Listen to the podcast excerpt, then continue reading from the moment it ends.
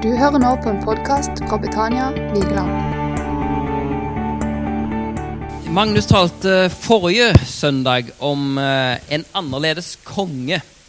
Eh, hvordan Jesus var annerledes med at han eh, for det første herska med å tjene. Han vant med å tape og seira ved å dø. Og så ønska vi at eh, disse to talene skulle henge litt sammen. Så dagens tema da jeg tenkte vi passet bra med et annerledes rike. Så jeg har prøvd å dukke litt inn i dette temaet eh, og, det, og, dele litt av det jeg har fått ut ifra det. Eh, det er jo et eh, veldig stort tema. Det står egentlig altså Jesus gjorde mirakler, og han, fort, altså, han forkynte 'omvend dere, for Guds rike er nær'. Og du kan egentlig si at alt det Jesus forkynte, det var inni dette riket. Altså, så liksom, du, skal, du kan egentlig plukke på alt Jesus gjorde. For han, alt han snakka om, var hans sitt rike, og at det var kommet nær eh, ved at han var kommet. Eh, så du, jeg kunne plukka veldig mange plasser inni dette temaet, eh, men jeg har valgt å eh, ja, gå litt inn i bergprekenen, som er litt av undervisningen som han forkynte om hvordan vi kan leve kristenlivet inni dette riket. Um, og skal snakke litt om dette annerledes rike, som blir kalt eh, Det står noen plasser Guds rike, og så står det andre plasser himmelens rike. Eh, det står også på samme plass også, så det betyr at det er ikke to forskjellige. Himmelens rike og Guds rike, det er det samme riket. Eh, vi kan lese i Kolosserne 1, 13.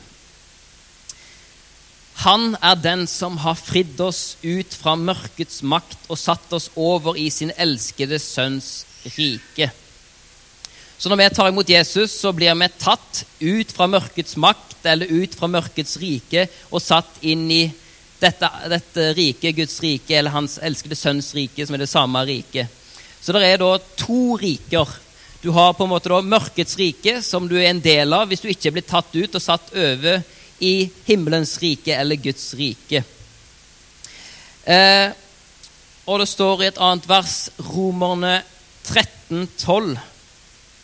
Bare for å legge litt kontekst på noen ting her. Der står det at natten er snart forbi. Dagen er nær. La oss derfor legge av mørkets gjerninger og ikle oss lysets våpen. Hva er det Paulus egentlig sier i dette verset?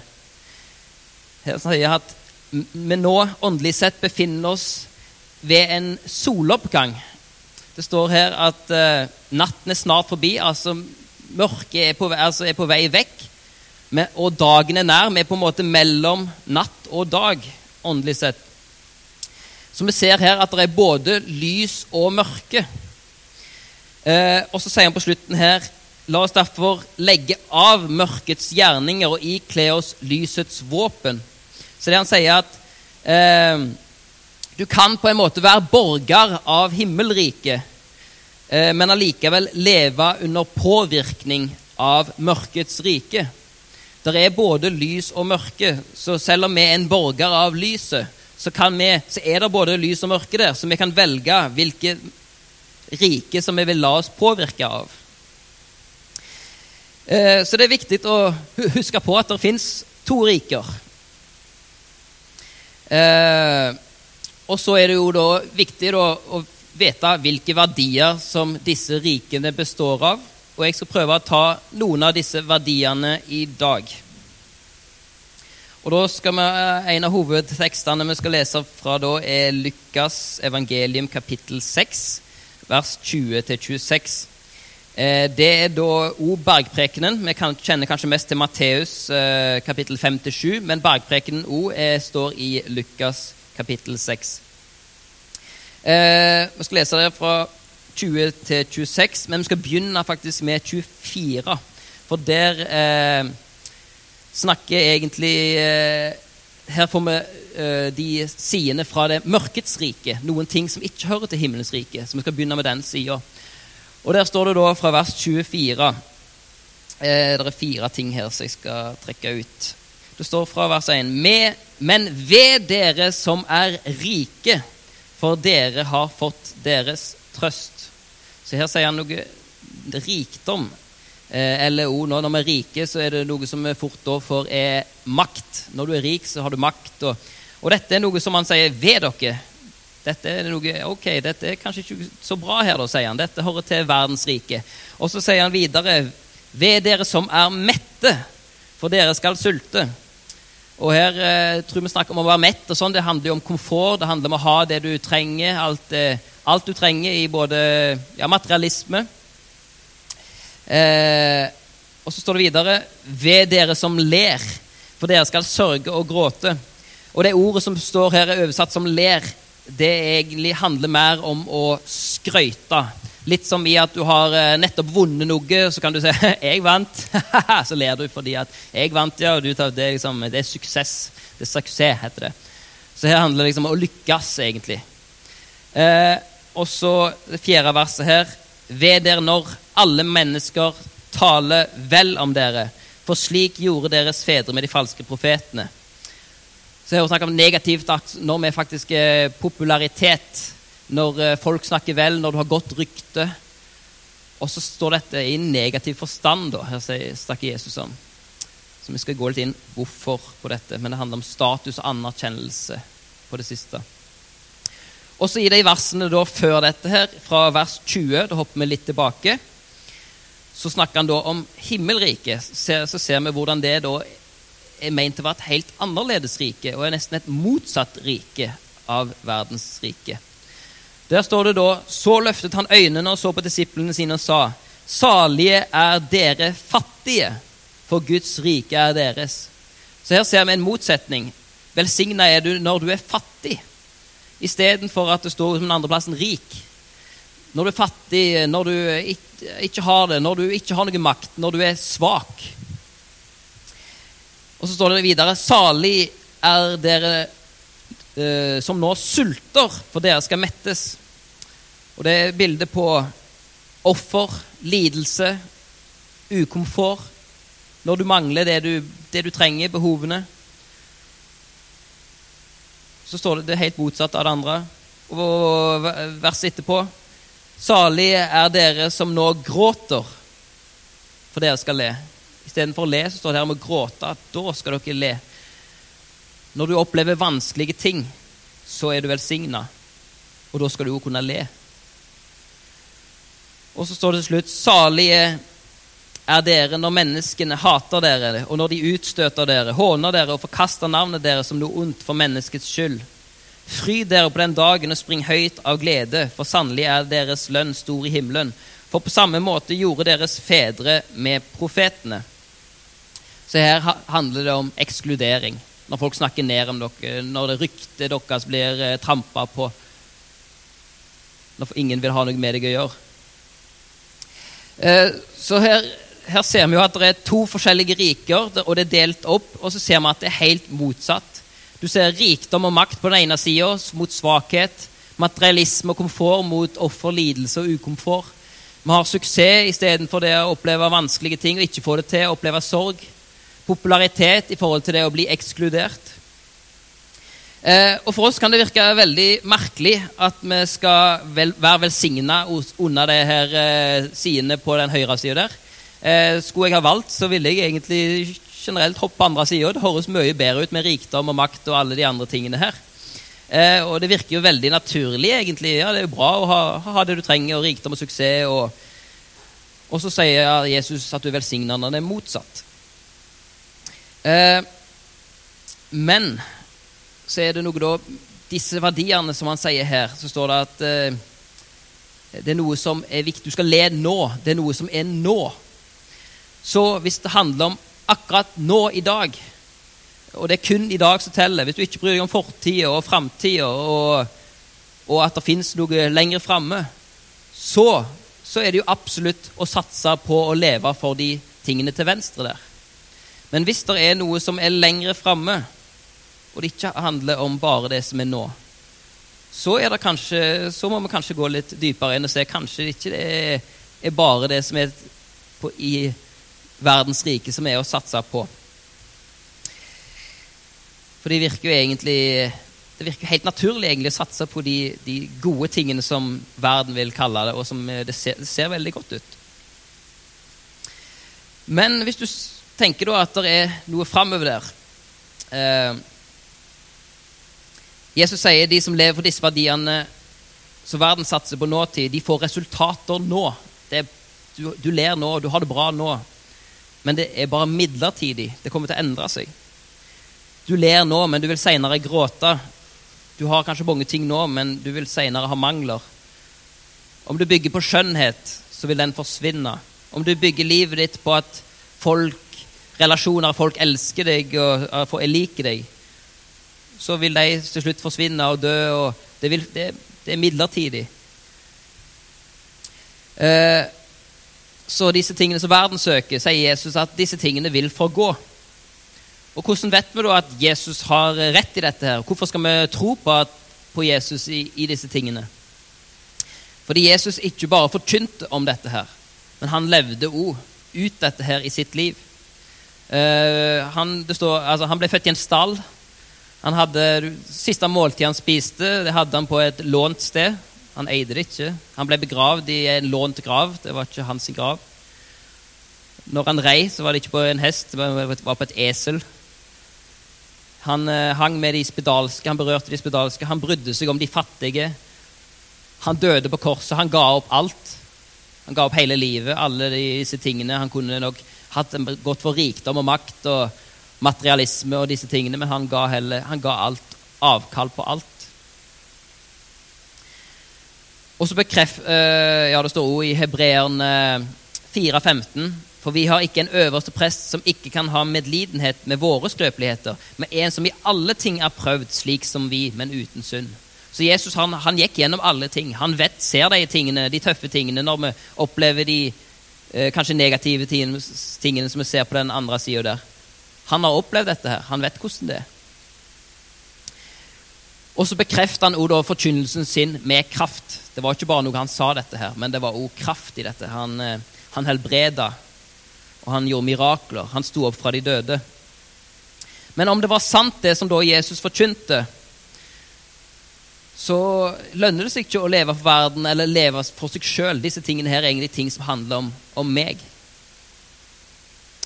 Så som kristne så er vi meint at vi skal verdsette disse motsatte tingene. Disse motsatte verdiene. Hva betyr det egentlig at vi skal liksom sette pris på disse utfordrende tingene? Da betyr det ikke at vi skal søke dem. Så det jeg sier nå, er ikke at vi skal prøve nå å bli fattige, og vi skal gå for å ødelegge ryktet vårt. altså at det, Vi skal ikke søke disse tingene. Men øh, Men når disse tingene da kommer inn i livene våre, så kan vi se verdien av dem. Vi kan forstå hva, hva det gjør i livene våre. Og når vi opplever da at vi er svake, maktesløse, vi opplever lidelse, tap, sorg, vonde ting Hvis du mister ryktet ditt, mister anerkjennelsen du har, så tenker vi ikke 'Å nei, nå er livet mitt ødelagt'. Nå er jo alt falt i grus. Nå er alt jeg hadde som var viktig, falt, er ødelagt. Nei. For vi er ikke meint til å være kontrollert av disse tingene. Så om du er en kristen og lever i himmelske riket, så er du ikke kontrollert av disse tingene. Du trenger ikke disse tingene. Du søker ikke disse tingene. Det vil si at disse tingene er ikke det som driver deg. Og når du er kommet der at disse tingene er ikke noe som driver deg, så kan du både ha disse tingene og ikke ha de. Så lenge det er ikke det som driver hjertet ditt. Det er ikke det du bygger livet ditt på. Da kan du ha økonomi, du kan ha makt, men det er ikke det som kontrollerer deg og styrer deg. Du kan tenke deg to menn. Én var styrt av det gamle riket, eller verdens rike. og, og, eh, begge, og en i himmelens rike. Begge er i samme situasjon på jobben. Eh, situasjonen er det Hvis du forteller sannheten, så vil du miste jobben. Og da, Den som er av det gamle riket, da, han er nødt til å lyge. Fordi han kan, vil ikke klare seg uten makt, uten suksess, uten anerkjennelse, uten komfort. Men en som er 100% styrt av det himmelske riket. Han sier at jeg, jeg, må gjøre det jeg må gjøre, selv om han mister jobben. For han, det handler ikke om disse, disse tingene lenger. Og Jesus sier, 'Velsigna er du som gråter nå.' Når du går gjennom noe vanskelig, så er du velsigna. Hva betyr det å være velsigna? Eh, jeg leste en plass at det står at det betyr å være veldig tilfredsstilt. Eller lykkelig, er et annet ord på det. Og en kristen er en som da kan gråte og oppleve vonde ting, og allikevel likevel være tilfredsstilt og lykkelig og velsigna. Eh, det sto, Vi leste i vers 23 der Fryd dere på den dagen og spring høyt av glede, for sannelig er deres lønn stor i himmelen. For på samme måte gjorde det fedre med profetene. Det står at vi kan fryde oss på den dagen. Hvilken dag snakker det om i dette verset? her? Jo, Da refererer det til verset før, som snakket om det med når du blir avvist, når du får eh, eh Ja, når du mister riktet ditt, når de snakker vondt eh, vondt om deg. Eh, når du blir ekskludert. Og hvordan kan vi da fryde oss på den dagen? Så står det ord her, ja, fordi eh, vår For stor er vår lønn i himmelen. Ikke bare at han vil bli stor i framtida, men han er stor nå. Eh, så det handler om å ha fokus på det, ikke det som er her nede, men det som er der oppe. Eh, et godt eksempel på dette er i Apostlenes gjerninger så står det om Stefanus. Eh, jeg vet kjenner til Han Han sto der og preikte da, og vitna. Og eh, eh, det står der at han Når han snakket til de, disse her, så står det at det stakk de dypt i hjertet, og de skar tenner mot ham. Men han skuet opp mot himmelen, fylt av Den hellige ånd, og sa:" Se, jeg ser himmelen åpen og menneskesønnen stående ved Guds høyre hånd.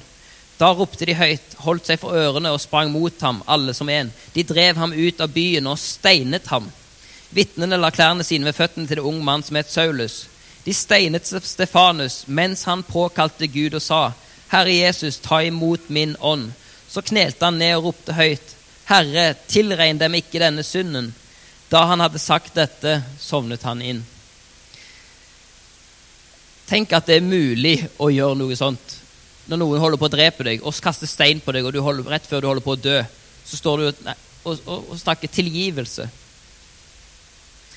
Fylt av Den hellige ånd og blikket retta ikke mot de jordiske tingene, men mot det oppe. Det var, og det var ikke noe som bare var i framtida. Han så det der og da. Det står i Kolosserne eh, ja, 3, eh, 2-3 ha sinnet retta mot det som er der oppe, ikke mot det som er på jorda. Så det er noe Jesus, eh, eller Paulus sier til oss. En, kristen, eh, en sann kristen er en som kan si at han har mista ryktet på jorda, jorda, men han er anerkjent av Gud. Han er ekskludert på jorda, men han er inkludert av Gud. Fordi at han har den verdien, så er vi ikke kontrollert av verdens verdier. For vi ser vår status i himmelen nå. Hva så om jeg da mister dette ryktet? Hva skjer da? Ja? Men hvem er det som lever etter, altså hvem er det som klarer å leve sånn som dette? Og da, har faktisk, Vi har faktisk ressursene til å kunne leve som dette. Og kraften, den kom fra Jesus.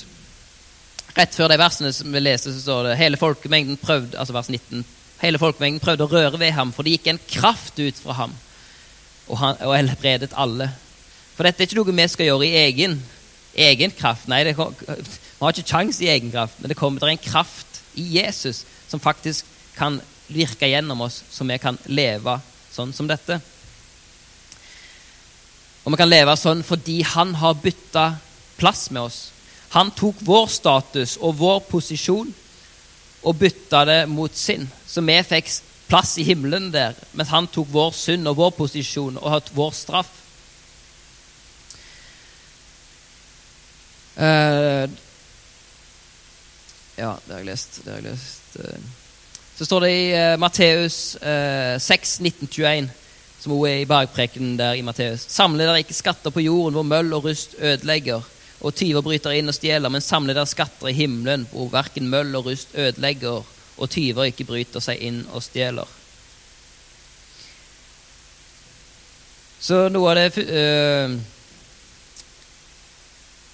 første jeg tenkte på å sette vekk på i dag Dette er ikke for å sette en pekefinger eller for å dømme noen, men dette er noe, for når jeg gikk inn i og så på dette annerledes riket, så er det veldig radikalt. Det er utrolig radikalt, dette riket. som er og, og mitt første spørsmål jeg tenker vi kan stille oss, er jo ja, lever vi for noe av disse verdens ting? Er det det som driver oss?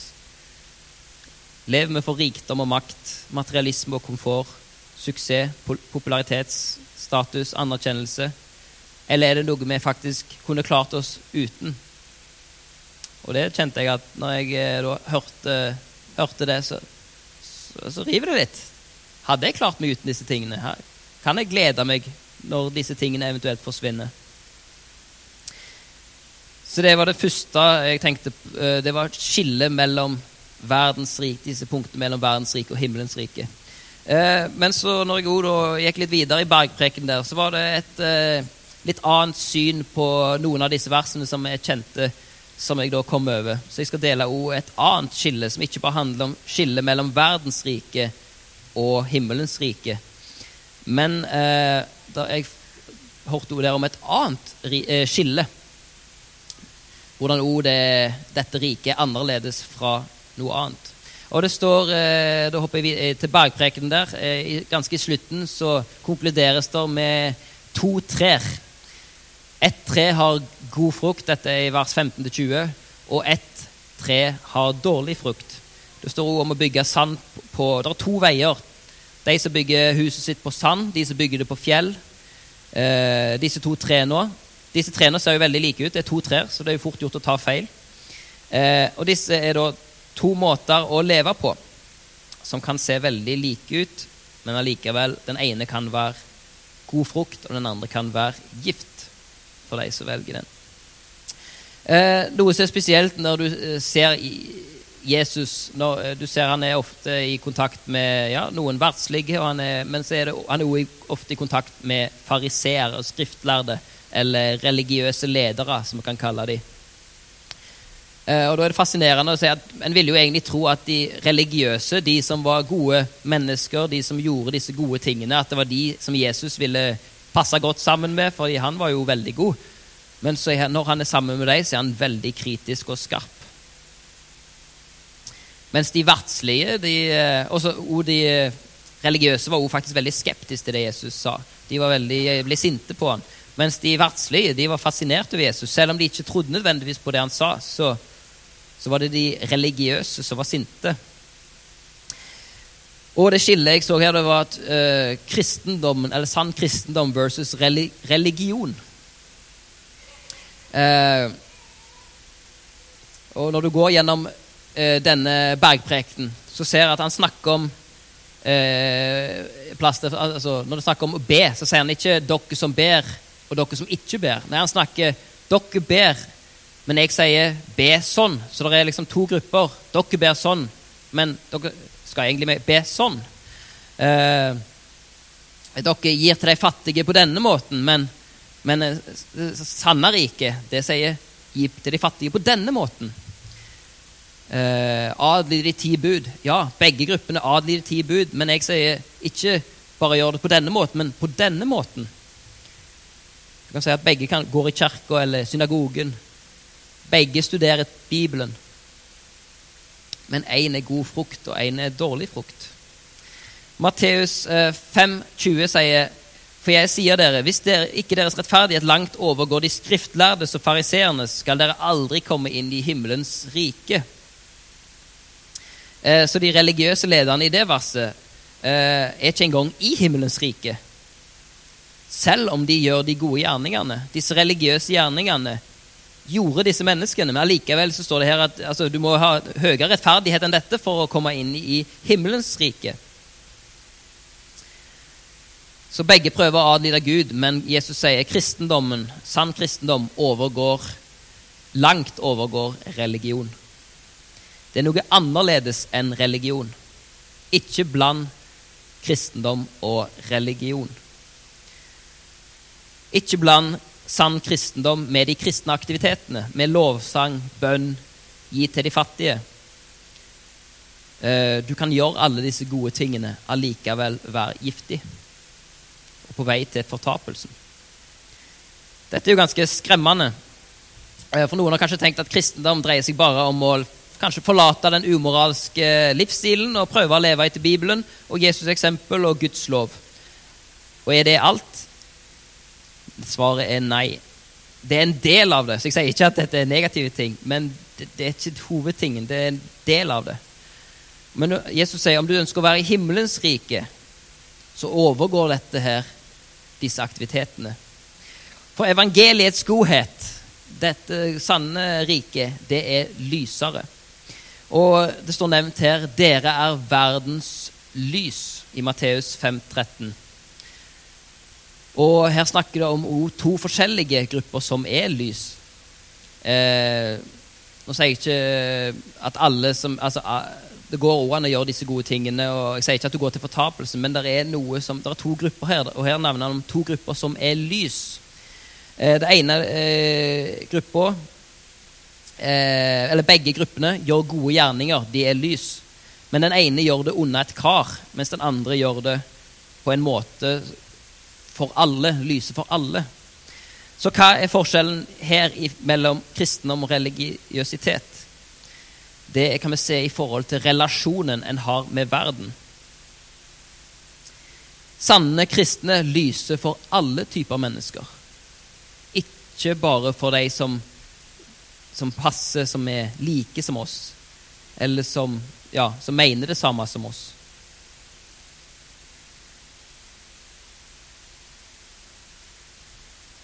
De religiøse ønsker bare å være de sammen.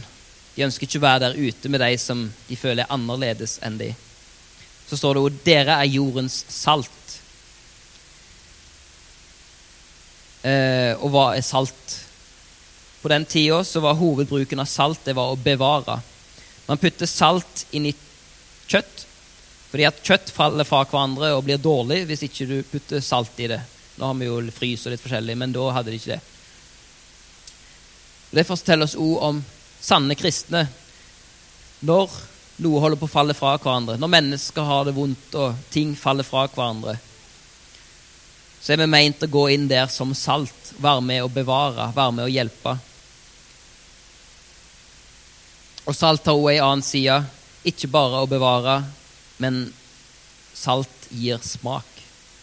Er, ja, på kjøtt og på egg, f.eks. Hvis du bare spiser et egg helt alene, så er det ikke voldsomt, men med en gang du hiver salt på, så smaker det åh, fantastisk. Og da, vi som kristne er meint til å få andre til å føle seg bedre. Vi er ment at vi skal få fram de gode tingene i andre. Få fram den gode smaken. Og det er sånn at når, når, når jeg hiver salt på egget, så er det ikke sånn 'Å, så godt saltet smakte'. Nei, det er, jo, det er jo egget som smaker godt. 'Å, så godt egget'. Når du tilsetter salt. Og på samme måte, når vi som sanne kristne er med andre, så, så, ikke, så blir det på en måte Vi løfter opp de andre. De blir bra. Ikke, for, fordi vi, vi tar ikke æren, men det når vi er salte, så blir de lufta opp. De smaker bedre. De føler det bedre. Eh, og det står jo senere her om eh, den berømte planken. Eh, jeg har jo eh, tenkt litt sånn så, Ja, ja, altså ja, se, Pass på liksom, din egen synd, at den ikke er stor, da, på en måte. eller sånn. Og så ja, ikke undervurder din egen synd, i hvert fall. Og, men her var det et, et bilde på forskjellen mellom religiøsitet og ekte kristendom. Det står 'døm ikke for at dere ikke skal bli dømt', for med den dommen dere dømmer, skal dere selv bli dømt. Og med det målet dere måler opp med, skal dere bli målt tilbake for dere. Hvorfor ser du flisen i din brors øye, men merker ikke bjelken i ditt eget øye? Eller hvordan kan du si til din bror, la meg ta ut flisen ut øyet ditt, når det er en bjelke i ditt eget øye? Hykler, ta først ut bjelken av ditt eget øye, da skal du se klart at du kan ta flis, så du kan ta flisen ut av din brors øye. Så hva handler det om? Det handler om at kristne ser sin egen synd som en planke og andres synd som en flis. noe som gjør at kristne er ydmyke. Vi setter, ser ikke på oss sjøl ja, å, ja, vi er perfekte. Nei, det er jo derfor vi har tatt imot Jesus, fordi vi er ikke gode i oss sjøl. Vår synd er stor. Og så ser vi ikke stor på andres synd. Nei, de ser vi som en flis. Mens religiøse gjør motsatt. Hvis du er religi gjennom religionen, så ser vi Da ser vi bare Å ja, ja, men jeg er jo et godt menneske. Jeg er god.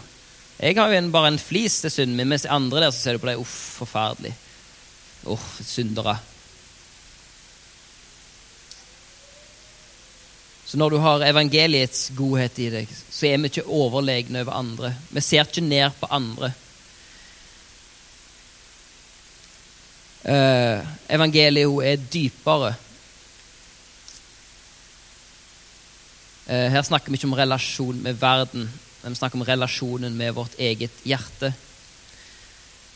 Når han sier at vår, din rettferdighet overgår de fariseernes og skriftlærdes, så ble nok folk veldig overraska. For hvis du så på de skriftlærde, så så du jo de adlød de, hadde, de, levde jo og gjorde bud, altså adlød budene på fulltid. Og så skal vi gjøre jo høyere enn dette, og langt overgår dette. Eh, for de, de, hadde lister de skulle gjøre, og ting de ikke skulle gjøre. De hadde, jeg tror de hadde rundt 300, 635 eh, regler med liksom ting. Gjør, ikke gjør dette, gjør dette her. For å være gode eh, mennesker. Og dette skal vi overgå. Så hva mener Jesus da når vi skal overgå dette? Hvordan er det mulig? De levde jo så godt som perfekte liv utad. Men så sier Jesus dette. Han går gjennom oh, de ti bud. Eh, han uh, Dere har sagt dere skal ikke myrde, sier han. Dere skal ikke begå ekteskapsbrudd. Dere skal ikke lyge. Og så går han gjennom disse tingene som de religiøse er opptatt av. De er opptatt av de ytre tingene, men så sier Jesus at han er opptatt av hjertet. Det handler ikke om bare de ytre tingene, det handler om hjertet. For du kan ha alle de ytre tingene. Du kan gjøre alle de religiøse gjerningene og ha et hjerte som er lik verden.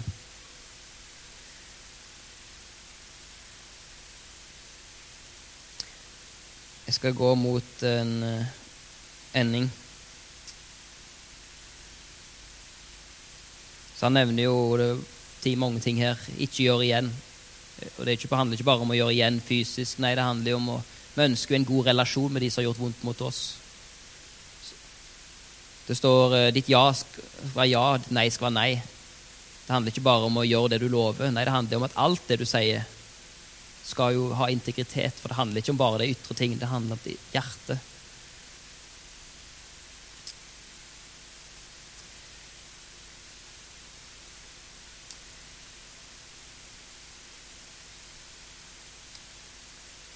Ja.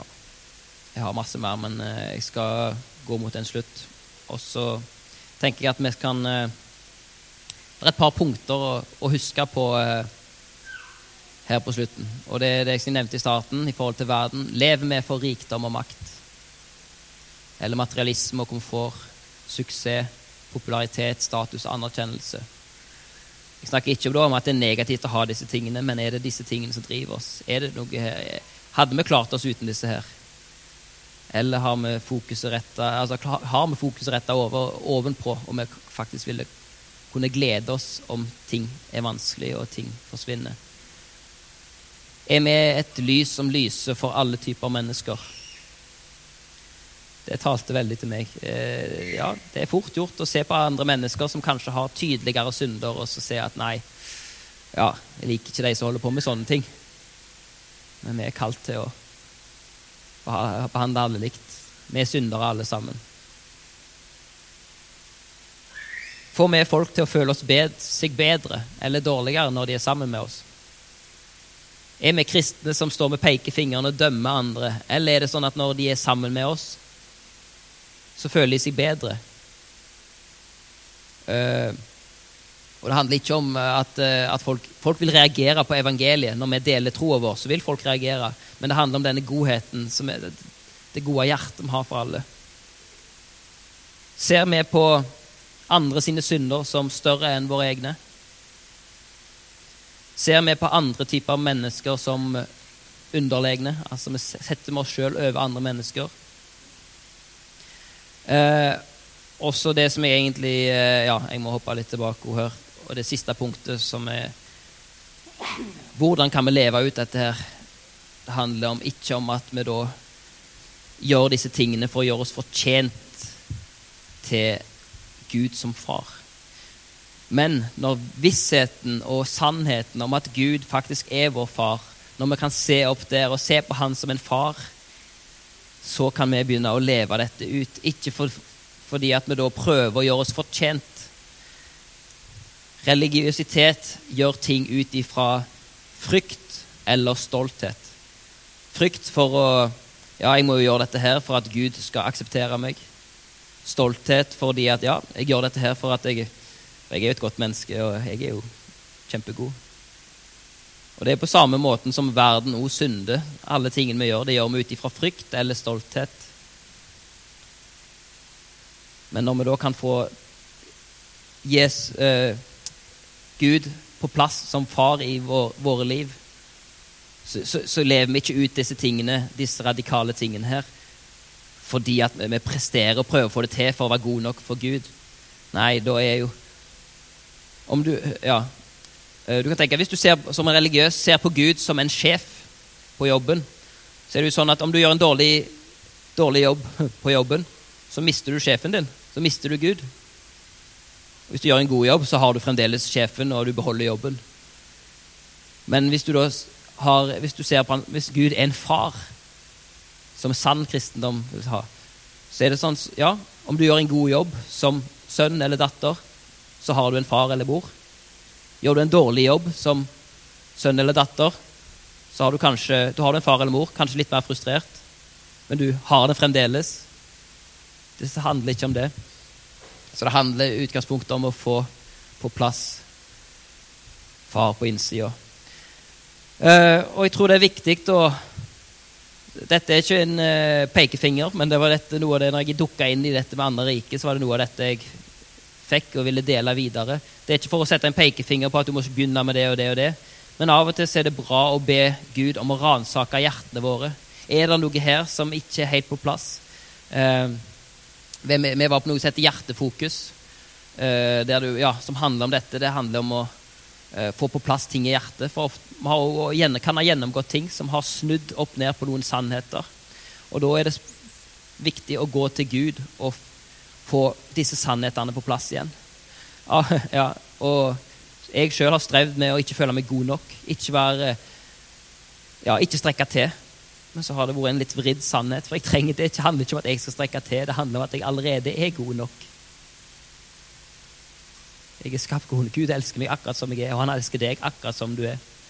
Men allikevel, og ut ifra at han elsker oss først, først, så kan vi elske ut videre. Så kan, vi, så kan han forvandle våre sinn. Han kan forvandle vårt hjerte, så vi kan begynne å leve nærmere dette riket. Og det, den som levde ut dette riket, var jo Jesus. Alle disse tingene han forkynte, det handler jo om det han levde ut. Det var sånn han var. Så det handler bare om ja, vi vil bli mer og mer like Jesus. Og da må vi be Han om å ransake tingene våre. Og her er, er det noen ting som er satt lys på. Kanskje treffer det noen, kanskje treffer det ikke. Men jeg anbefaler også å be om at Gud skal ransake ditt hjerte. Er det noe der? Så er det ikke sånn at han da ramser opp alle tingene som er feil i livet. Nei, så tar han ett, skreller av ett lag om gangen. Kanskje vi skal jobbe litt med denne tingen her nå. Yes, skal vi be.